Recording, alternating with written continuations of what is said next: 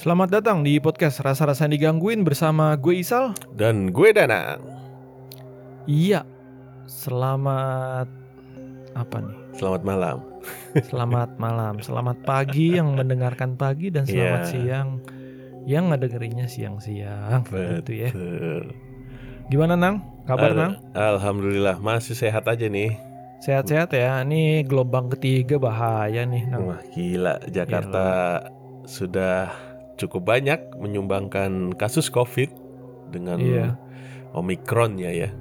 Cepet banget penyebarannya ya. Jadi di Iya. kantor-kantor juga udah malik, udah malik, udah balik lagi ke 25% kayaknya sih. Dari 50 sampai eh 25 sampai 50 persen ya. Iya. Udah nggak PPKM. Iya, stay at home dan jauhi narkoba loh. Jangan lupa vaksin boosternya yang belum ya. Oh iya, benar. Nah, itu. Yang belum vaksin booster silahkan disegerakan kalau sudah ada Hmm. jadwalnya ya karena ini kita nggak tahu nih benar-benar apa ya cepet banget sih Hmm, uh, infectnya ya Betul. gitu. Ya jangan lupa juga jaga kesehatan, Prokesnya jangan lupa. kerumunan. Ya ya, prokes tetap dijalankan. Kali ini kita mau bahas apa nih Nang? Kan Ya. karena lagi PPKM, eh lagi PPKM. lagi pandemi gini nih, ya kan? Belum Jadi- berani offline Betul. kita. Jadi kan balik ke rumah jalanan mulai sepi lagi, ya kan. Nah, jadi tuh kalau mau ke Bandung juga sekarang lancar dong. Wah iya nih. iya, kalau dulu kan kayak harus 4 jam sampai 6 jam, bahkan gue kayak pernah hampir setengah hari gitu. Sampai stres tamu gue. ya kan. Balik Itu- dari Bandung ke Jakarta Hmm, itu lewat jam- lewat mana itu jalurnya? lewat tol Padalarang. Oh. nggak lewat yang lain lagi. Karena kan Hmm, Kebetulan waktu itu pabriknya di di dari ah, Cikampek. namanya? Sebelum Bandung, sebelum Bandung. Padalarang ya berarti ya? Oh, Iya iya iya betul. Pas Padalarang itu ya. Sebenarnya Hmm. dari situ kan lebih deket ya ketimbang dari Bandung kan. Ah, ah, betul. Itu kita jam 2 keluar dari Hmm, pak dari pabrik itu, hmm. nyampe Jakarta tuh jam nyampe Jakarta tuh ibaratnya nyampe semangginya nih. Nah, Nyampe semangginya itu jam setengah tujuh kayaknya deh, setengah tujuh pas jam 8 malam gitu. buset. Itu masih di semangginya masih macet dan mesti nganterin ke, ke hotel dulu. Waduh, itu hari apa berangkatnya? Oh itu hari biasa padahal weekday Waduh. gitu loh. Cuman wah kacau sih itu kacau banget. Bukan weekend ya? Iya abis itu kayak tamu gue nanya ada nggak sih naik pesawat dari Jakarta ke Bandung? gue bilang next naik kereta aja walaupun 4 jam tapi udah pasti. Tapi sekarang ini karena jalanan udah sepi jadi kayaknya dua jam udah cukup lagi sih sekarang Nan. Udah lebih, Ya, betul. udah lebih lengang ya apalagi kan ada tol apa namanya tuh Muhammad bin Zain apa Oh, iya, MBZ MDZ MBZ Iya, itu ya yang di atas tuh ya. Z iya ya itu kan langsung turunnya nyampe di mana sih gue lupa deh. Ka Ka- Ka- Karawang ya? 5 KM 53 kalau salah. Hmm, hmm, hmm, tolong dikoreksi gue lupa karena gue baru sekali doang nyobain. Langsung turun tuh nggak lama langsung rest area itu enak banget sih. Iya Tuh, sih. nah kali ini kita bukan mau bahas Jalan-jalan ya. iya. Bahas apa nang Kita akan membahas eh, kalau kemarin kita sudah menara Saidah mungkin yang cukup terkenal juga dengan kemistisannya yaitu tol Cipularang. Cipularang ini Hmm. kalau singkatan dari Cikampek, Purwakarta, Padalarang. Mungkin kalau yang belum tahu, kalau zaman dulu kita mau ke Bandung dari Jakarta, mau ke Bandung tuh jalurnya Ah. kita harus lewat Puncak. Jadi kita Oh. lewat tol Oh Jagorawi, iya bener ya Puncak, Cianjur, jadi baru sampai Bandung nggak tahu tuh waktunya tuh berapa lama tuh kalau zaman dulu tuh. Gue inget Udah masih gitu, lewat situ. mendaki gunung melewati lembah ya iya sih Betul sekali. sekarang karena ada Cipularang Mm-mm. gue tadi pengen ngomong apa tadi Waduh, mau ngomong ah, apa tadi hampir salah ngomong gue iya karena ada Cipularang jadi sekarang tuh lebih cepat ya ketimbang Betul. tapi tetap alternatif untuk lewat puncak itu masih ada ya nang masih masih.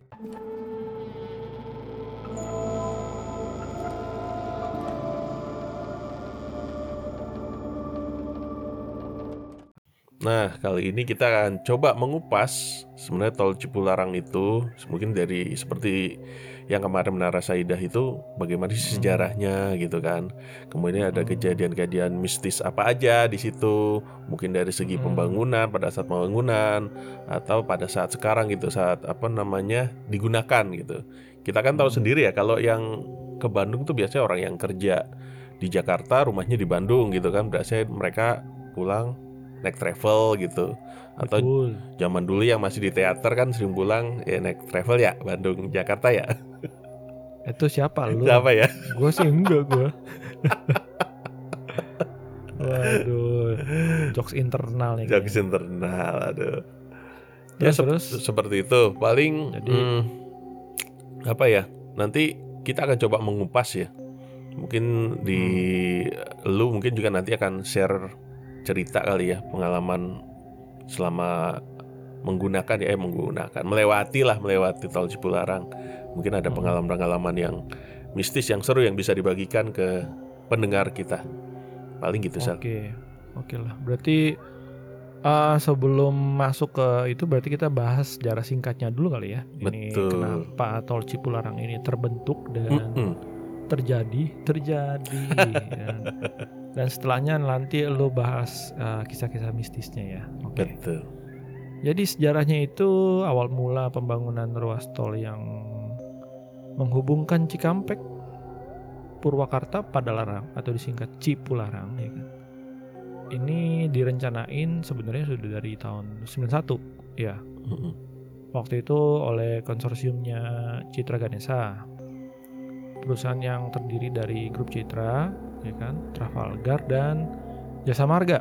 Mm-mm. Jalan tol ini selesai dibangun pada akhir April tahun 2005. Oh, berapa Ja- tahun tuh, Nang? Itu Jarak itu, Nang. dimulainya kalau nggak salah sih 2001 ya 2001 Betul, 2001. 2001. Jadi Selesai. sebenarnya du- 91 tuh udah dirancang, Heeh. tapi udah direncanakan cuman baru bisa Pembangunan. dikerjainnya itu di 2001 Mm-mm. itu. Mungkin pembebasan lahan lah atau iya polemik segala macam, politik segala macam gua nggak tahu lah ya. Ya. Intinya selesai di April 2005. Nah, setelah itu baru uh, bisa dilewatin. Nah, tol yang membentang dari Cikampek sampai Purwakarta sampai ke Padalarang ini melintasi beberapa kabupaten. Di antaranya ada Kabupaten Karawang, Mm-mm. Kabupaten Purwakarta, ya Mm-mm. kan? kemudian Kabupaten Bandung Barat. Gitu. Jadi Kabupaten eh Cikarang nggak masuk ke kabupaten ya? Cikarang enggak lah Enggak ya, gue nggak tahu sih. Jadi tol ini tuh berada di pegunungan sehingga memiliki jarak atau jalan tuh yang cenderungnya naik turun gitu loh. Jadi karena sebenarnya kayak ngebelah gunung juga sih Neng ya. iya ada yang kayak Kan. ngebelah gedung juga itu Mm-mm, jadi kalau kadang kan kalau kita juga naik kereta api itu kan kita bisa lihat tuh pas lagi masuk ke Padalarang tuh ada jalan Mm-mm. tol ya kan. Terus ada bukit-bukit tuh yang bawahnya langsung jurang. gitu. Iya. Itu agak ngeri. Nah kayak gitu tuh. Jadi emang dibelah beberapa bukit untuk dibikin jalan tol. Jadi Betul. makanya eh, apa ya landasan landasan jalurnya itu eh, nggak nggak lempeng aja Lurus gitu Jadi, ya. Iya dia udah belok belok gitu kan belok belok apa anjir udah belok belok gitu kan terus naik turun ya kan dan ditambah itu juga apa namanya tekanan angin nah Betul, itu itu kan yang sering iya karena ada ketinggian beberapa beberapa lah ya Mm-mm. Nah, waktu tempuh tersebut dihitung jika kamu berangkat dari Cawang, itu jalan tol ini merupakan bagian dari jalan tol Purbalenyi. Itu sekitar eh, jaraknya 90 km ya. Mm-mm. Nah, awalnya jalan tol ini dibangun dalam rangka menyambut KTT Asia Afrika serta untuk memperingati 50 tahun. KTT Asia Afrika di Bandung pada tahun 1955. ya memperingati 50 tahun ya untuk yang Iya KTT Asia betul memperingati 50 tahun KTT Asia. Nah proyek yang diprakarsai oleh Ibu Megawati Soekarno Putri ini pada tahun 2003 dan selesai pada tahun 2005. oh, Tol 2003. Cipularang merupakan iya Tol Cipularang merupakan jalan tol ya dengan pembangunan tercepat di Indonesia. wah luar Cukup biasa dua tahun aja tuh. Nah, Ya. Du- 2003 start 2004 2005 iya dua tahun cuy gila cepet ya jaraknya padahal 100 kilo tuh jauh jauh cuy iya Oke, itu berarti em, jalan tol ini memiliki keekstriman tertinggi sebagai jalan tol di Indonesia.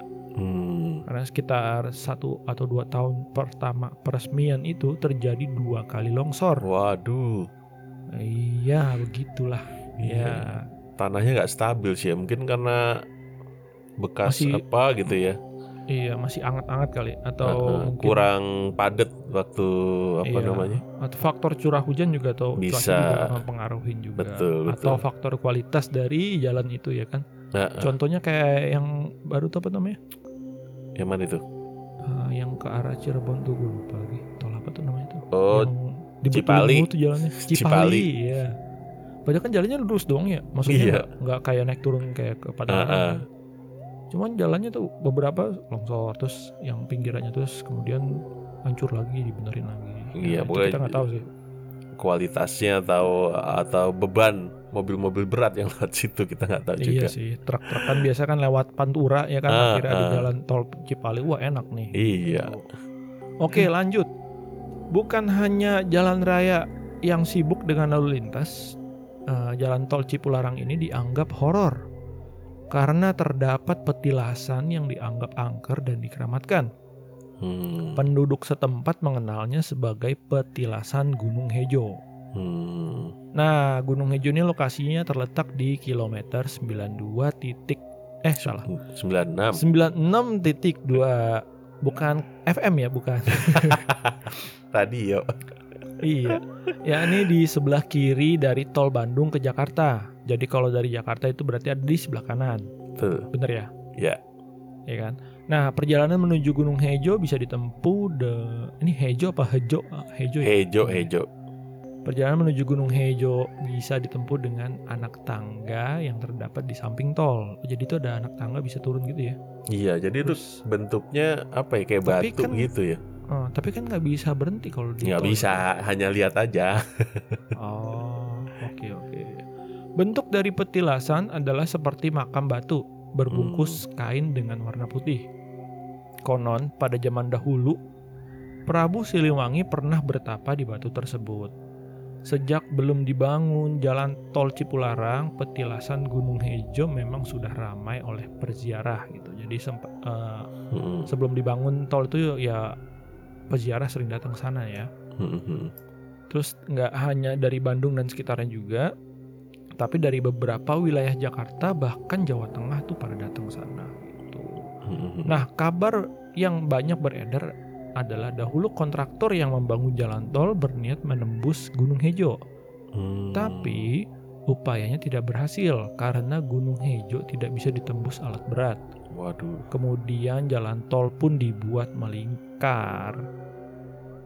Nah, di sepanjang jalan ada beberapa titik yang dianggap angker dan rawan terjadi kecelakaan. Yang paling terkenal sebagai jalur yang patut diwaspadai itu adalah di dari kilometer 90 sampai ke kilometer 100. Hmm. Ini yang makanya tadi dibuat muter ya. Makanya tuh kadang orang tuh nggak ngeh kalau lagi jalan ya kan. Turunan gitu kan Hmm. itu tahu-tahu belok atau gimana gitu dan dan ada faktor angin segala macam lah ya belum Nah, iya itu tekanan lah. Tingginya kecelakaan. Nah, peristiwa horor dan kejadian di luar akal sehat memang nggak bisa atau tidak mudah untuk dibuktikan ya. Hmm. Tapi untuk kecelakaannya memang sudah banyak terjadi dan sebaiknya menjadi pengingat bagi setiap pengendara yang melintasi jalan tol tersebut, khususnya di kilometer 90 90-an. sampai 100. Betul. Nah, salah satu berita kecelakaan maut yang paling menghebohkan itu terjadi tahun 2011 ya. Hmm. Adalah salah satu artis ya, nit gitu ya pokoknya. Heeh. Itu terjadi kecelakaan istrinya ya kan. Hmm. Terus peristiwa naas itu terjadi di kilometer 96 setelah berangkat dari Bandung. Hmm. Gitu nah ceritanya. Nang. Itu baru sebagian ya, sebagian yang terlihat di berita dan Iya. Yang masuk berita dan sebenarnya nggak nggak masuk berita juga ada ya. nah itu dia. Orang suka lupa kadang tuh. Kadang emang karena lowong ya kan, terus Mm-mm. turunan, Maunya ngebut bawahnya bawaannya ngebut-ngebut mulu. atau yang ngantuk, kadang-kadang ngantuk dipaksain juga jalan kan. Iya. Beberapa orang seperti itu.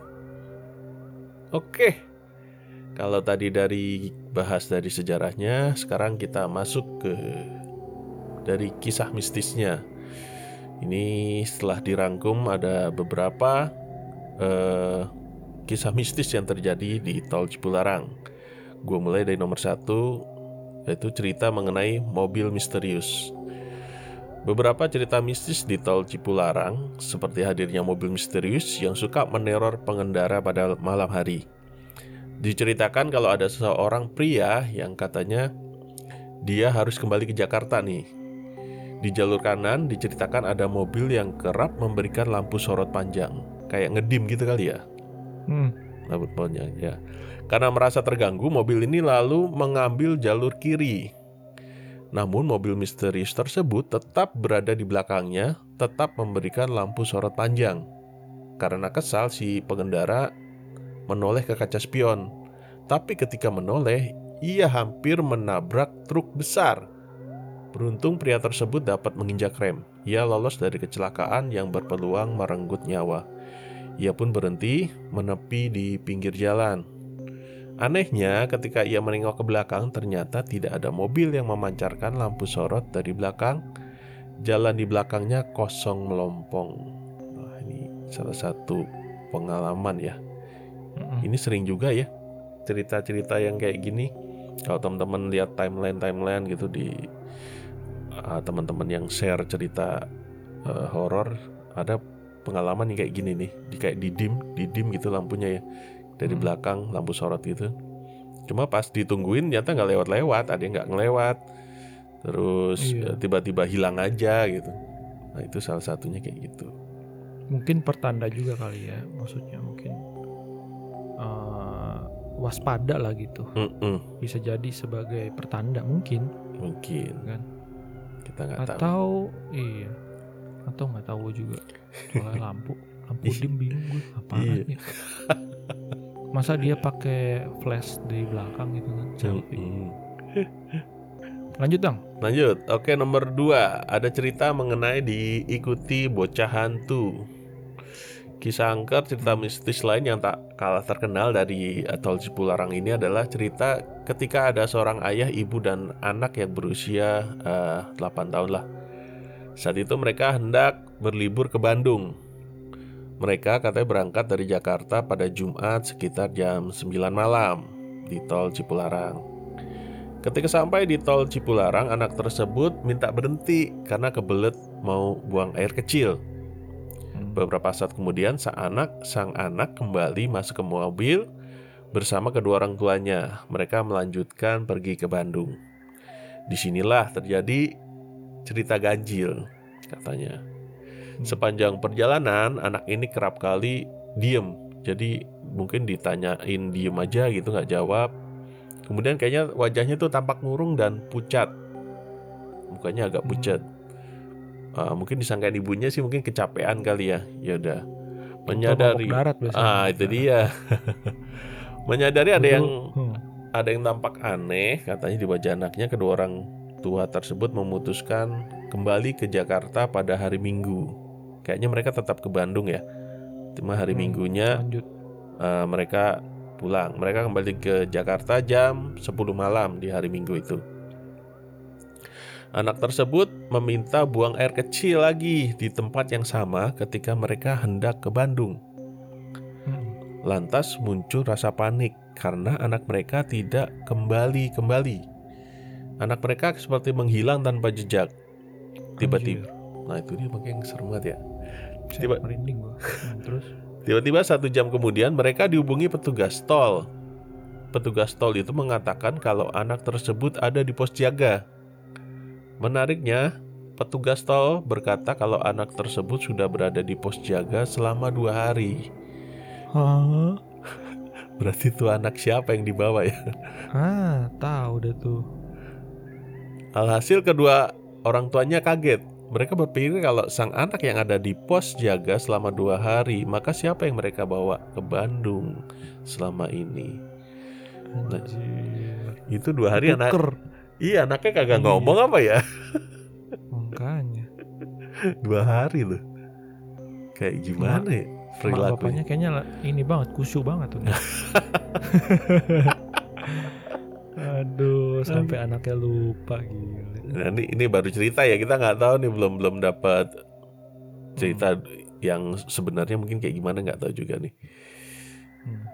Oke, kemudian kita lanjut nomor tiga. Kata tol Cipularang ini adalah jalur iblis. Kisah atau cerita mistis ini dialami oleh seorang musisi Bandung, katanya ya. Hmm. Saat itu ia bersama istrinya, juga bersama teman dan teman istrinya ya, beserta anaknya. Keanehan mul- bermula ketika memasuki kilometer 64, di mana temannya ini mencium aroma darah. Lalu istri temannya meneriakkan, ada kereta api tuh, sambil menengok ke jalur kanan. Ganjilnya di kilometer tersebut tidak ada jalur kereta. Nah itu kereta siapa yang lewat?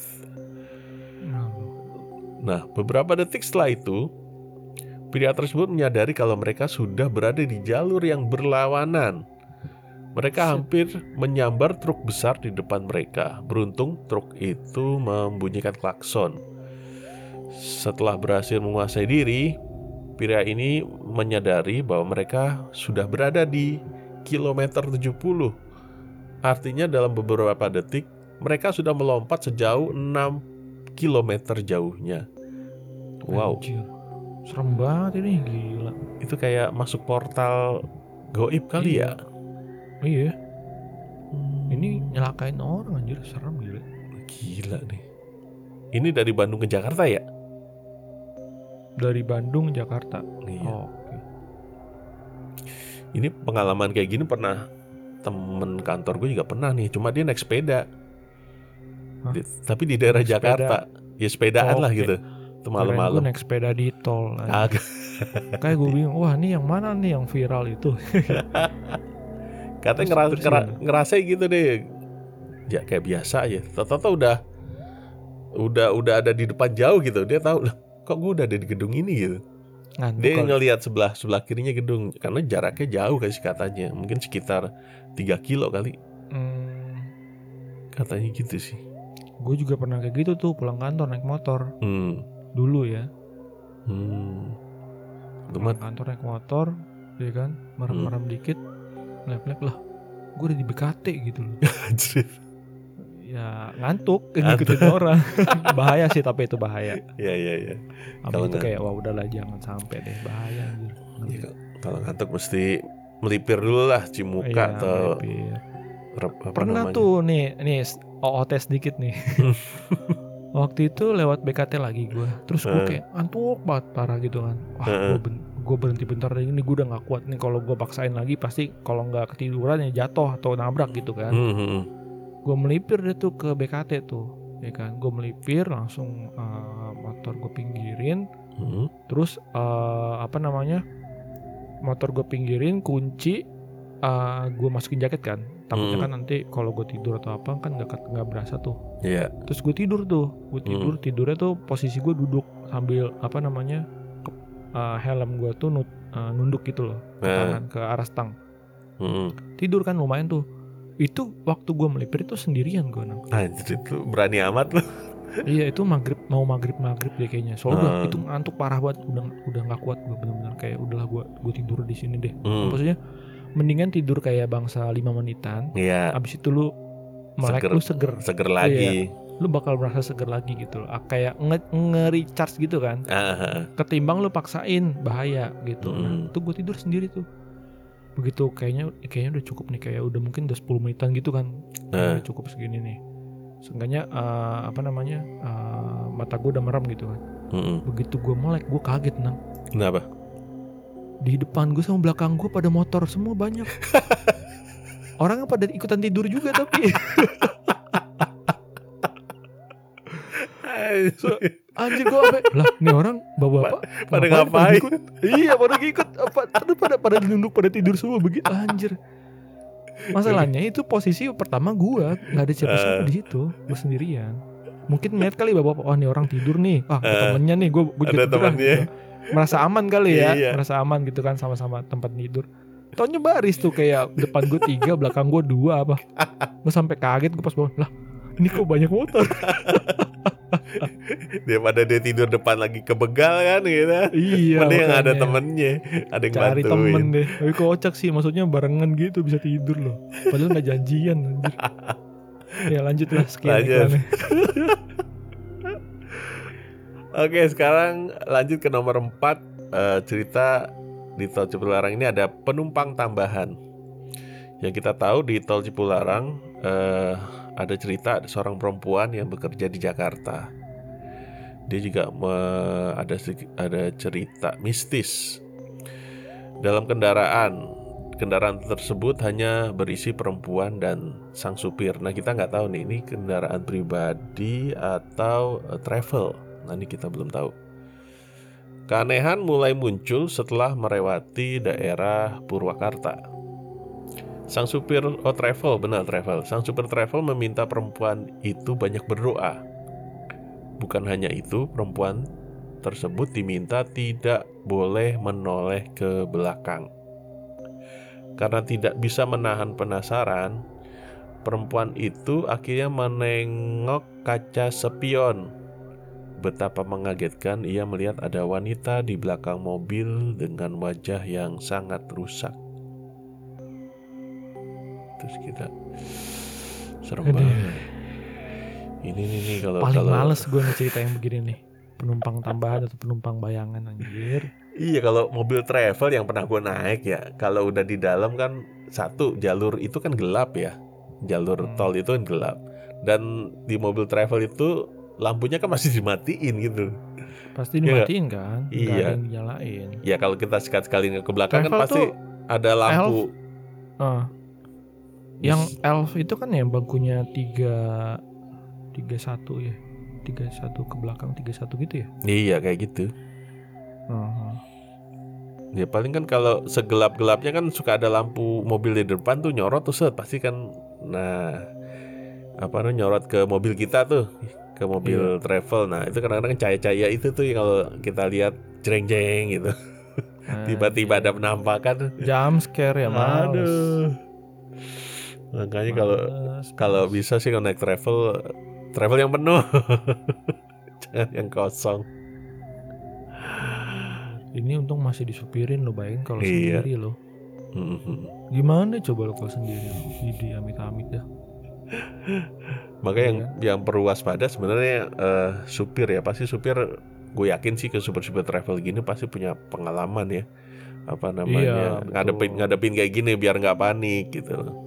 Coba Pasti. cari nang kita cari nang mesti ke ini dulu dong berarti ke travel ya anjir oke Aduh. lanjut Lanjut.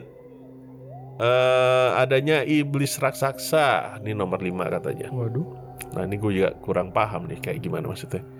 Kalau dari informasinya beberapa mahasiswa yang kuliah di daerah Cilenyi kerap menggunakan Cipularang sebagai jalur favorit. Meski meski mereka tahu jalan ini angker. Kawasan Cipularang ang- antara kilometer 90 sampai 99 sering disebut sepusat kawasan iblis karena melintasi Gunung Hejo yang terkenal sebagai kerajaan gaib. Ini seperti yang kita infoin di awal ya. di awal yang tentang sejarah Mm-mm. ya Kabarnya investor tol Cipularang sempat mengambil jalan memutar karena Gunung Gunung Hejo tidak bisa ditembus. Nih seperti info yang tadi ya.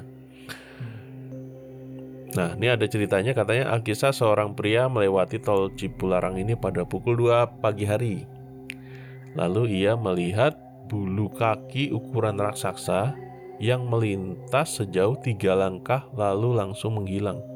Buset, berasa berasa ini ya kaiju gitu lewat di atas lu gitu. Iya. Godzilla gitu ya tapi Iya. ini bulu kaki ya nggak keren amat Bulunya ini bulunya doang atau ada bulunya kakinya doang ya? kayaknya kan bulu kaki kan dibilang kan melihat bulu kaki ukuran raksasa kalau kaki kaiju gitu atau mungkin ekornya Godzilla mungkin wih ini Tapi keren. kalau suaranya skreong gitu kan. Swas Oh ya langsung. serem sih. iya sih anjir. Jadi Jadi- Ultraman, Pak. Iya kagak serem lah. Anjir, lanjut.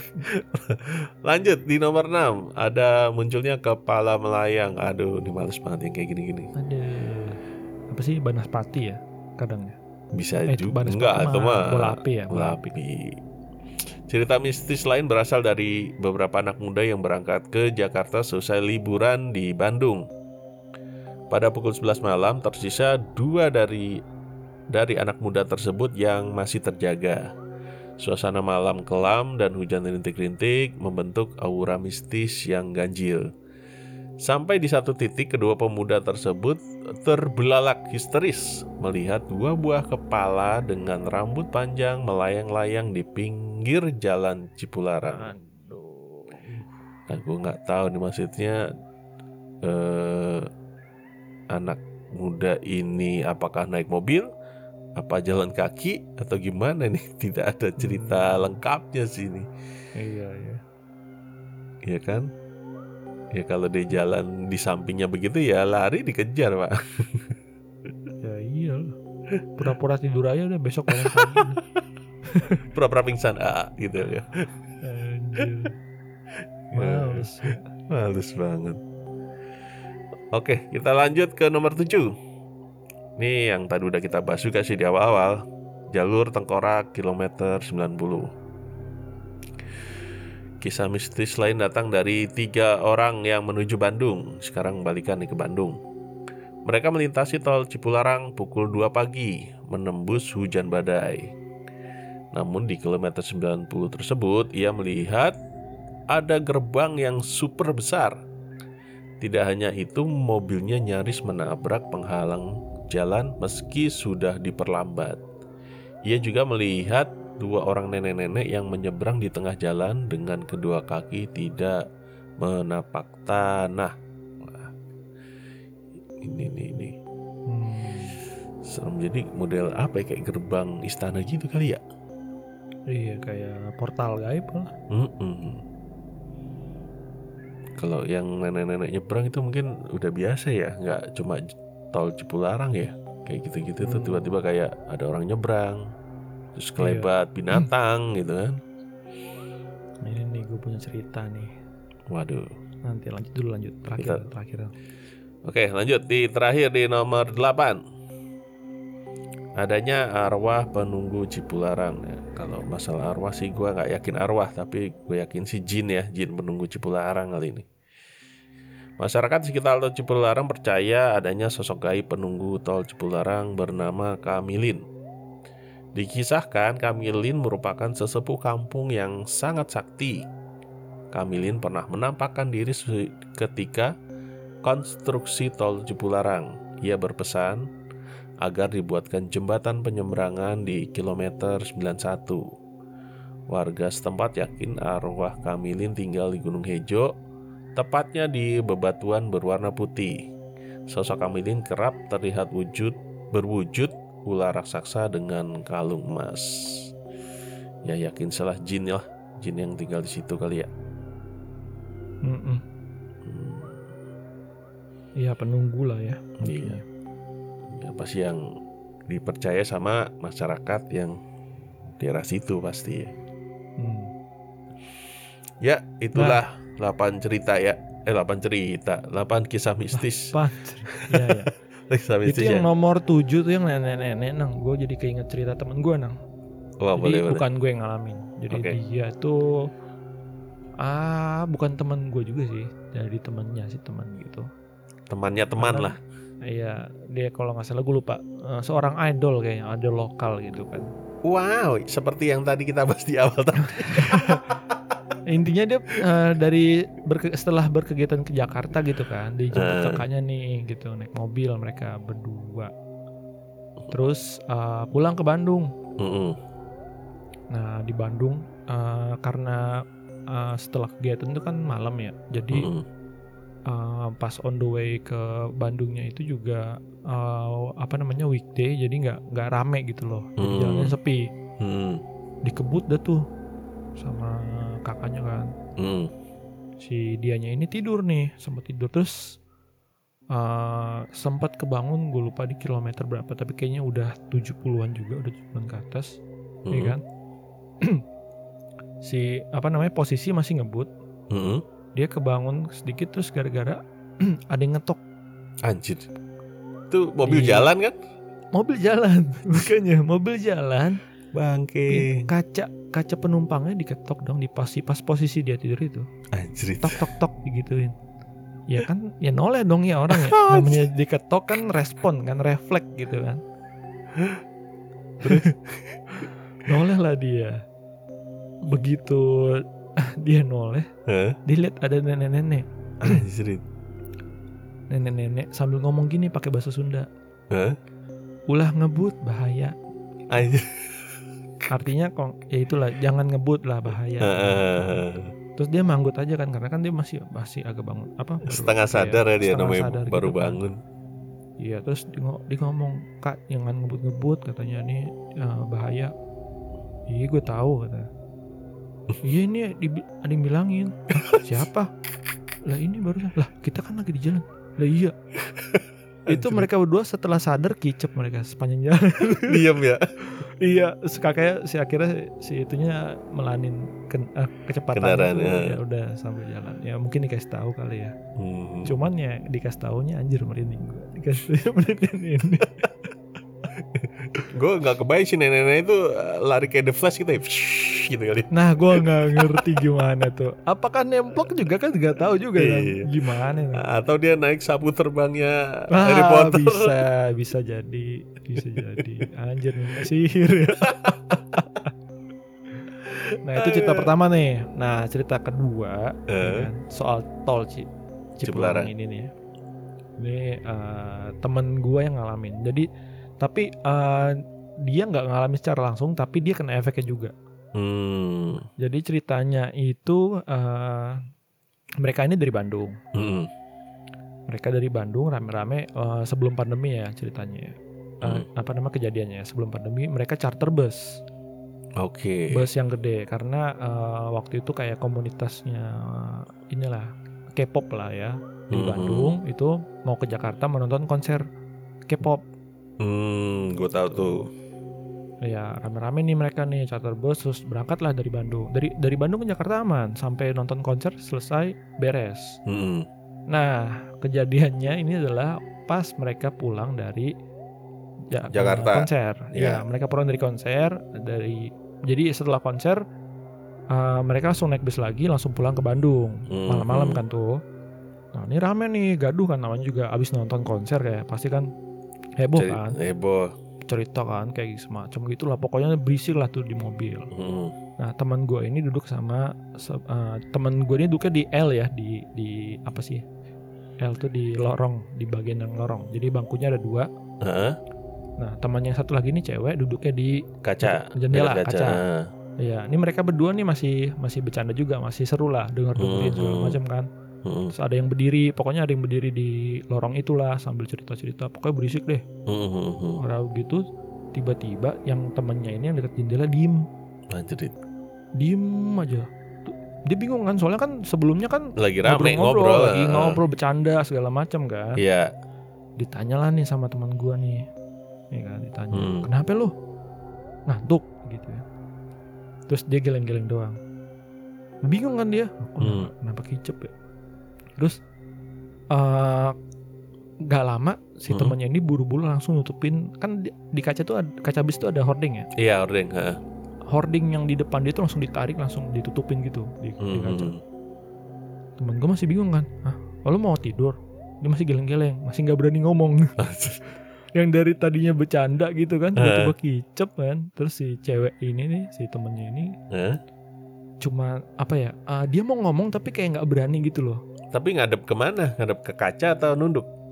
apanya ngadep ngadep ke dia ngadep ke Oh, ke teman gue ini ah, ngadep ke teman gue ini akhirnya dia ngasih kode ngasih kodenya itu kayak ngasih telunjuk ke mulutnya gitu kayak suruh diem gitu loh gitu loh Oh. cuman dia nggak ngomong set dia cuman ngasih kode gitu Oh, gue doang nutup Ngasih gitu kode. ya. iya ngasih Telunjuk. kode jari ah. iya jari telunjuk ke mulut gitu loh itu kan tandanya suruh diem kan Ah, dia bingung kan kenapa gitu kan dia masih Hmm. nggak nggak ini nih cuman kayak oh ya udahlah eh, kayak ibaratnya eh, kayak mungkin ada dia ngerasa teman gue ini kayak mu- mulai ada yang aneh nih. Oh ya udah oke oke. Terus udah kan? Hmm. si siapa? Si temennya temen gue ini mau ngasih tahu yang lain. Maksudnya wih udah Oh, jangan eh, berisik gitu ya. gitu jangan berisik gitu kan. Soalnya temen gue ini udah ngasih kode kode gitu terus kan. Hmm, hmm, hmm. jangan berisik gitu. Masih masih nggak digubris tuh dia tuh. Hmm, hmm. masih nggak digubris sampai titik di mana itu lu tahu nggak kalau di bis itu di bawah di lantai jalan yang buat lorong itu kan ada Ah. kayak kotak palka ya buat ngebuka bawah gitu kan Haha. biasanya kalau buat ngecek apa gitu kan Iya, iya. kan ada ada kotak gitu kan ya Hmm. dari kotak itu tiba-tiba digedor nah Anjir. digedor pakai tangan gitu kayak kayak pakai tangan Kayak- itu brak brak brak kencang bunyinya Anjir. itu seketika ya semuanya pada diem pada diem dan akhirnya pada ba- apa eh, tanpa komando tuh langsung pada duduk duduk manis semua Diem sepanjang jalan diem sampai Bandung Tapi itu nggak ada yang ngetok pakai kaki kali, gedor-gedor gitu kali. enggak soalnya bener-bener itu nggak ada yang berdiri juga di situ pas debat itu dan Oh. semuanya itu dengar Hmm. masalah semuanya itu dengar gitu dan pas begitu dengar tuh langsung pada mata tertuju ke satu titik Hmm. gitu loh. Hmm. emang bunyinya sekali tapi eh, sekalinya itu dalam arti digedornya tiga kali gitu Iya, dar, gitu loh dan semuanya denger lagi ya. semuanya dengar akhirnya pada diem ya kan terus eh, yang yang sebelahnya ini masih nggak berani kan maksudnya masih dia mau nanya juga nggak berani kan Hmm, hmm. terus pas udah nyampe di Bandungnya Heeh. ditanya lah sama sama teman gue ini kan Hmm. lu tadi kenapa sih kok tiba-tiba kicep gitu kan tiba-tiba ini ya lu ngeliat sesuatu ya Hmm.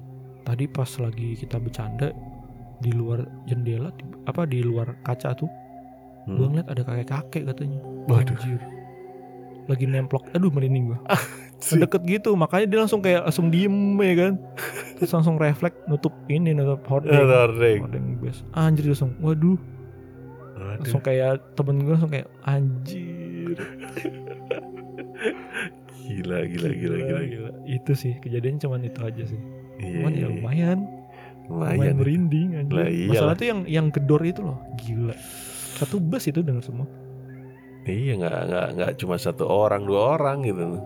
Iya. Dia mengeksistensikan gitu ya bahwa ya udahlah jangan berisik gitu ya. Jangan berisik deh gitu. Anjir. Emang kayak apa ya? Mungkin pas lagi ngelewatin yang jalur itu kali ya. Hmm, hmm. Ya kilometer Iya. berapa 90 hal itu. Sih Dal. Valid berarti ya. Cukup valid.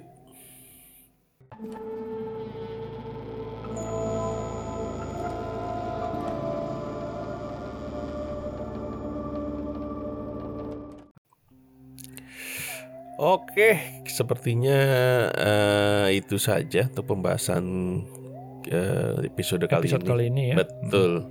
Mengenai tol Cipularang. Nanti kalau teman-teman ada cerita lain atau cerita mengenai pengalaman di tol Cipularang, boleh kirim-kirim ke kita melalui email ya. Email kita Iya. ke rasa-rasanya digangguin at gmail.com atau boleh komen nanti di Instagram atau di uh, Twitter kalau kita sudah publish untuk uh, eh, ketika kita publish biasanya Iya, ketika Kita- episode ini tayang. Mm, betul.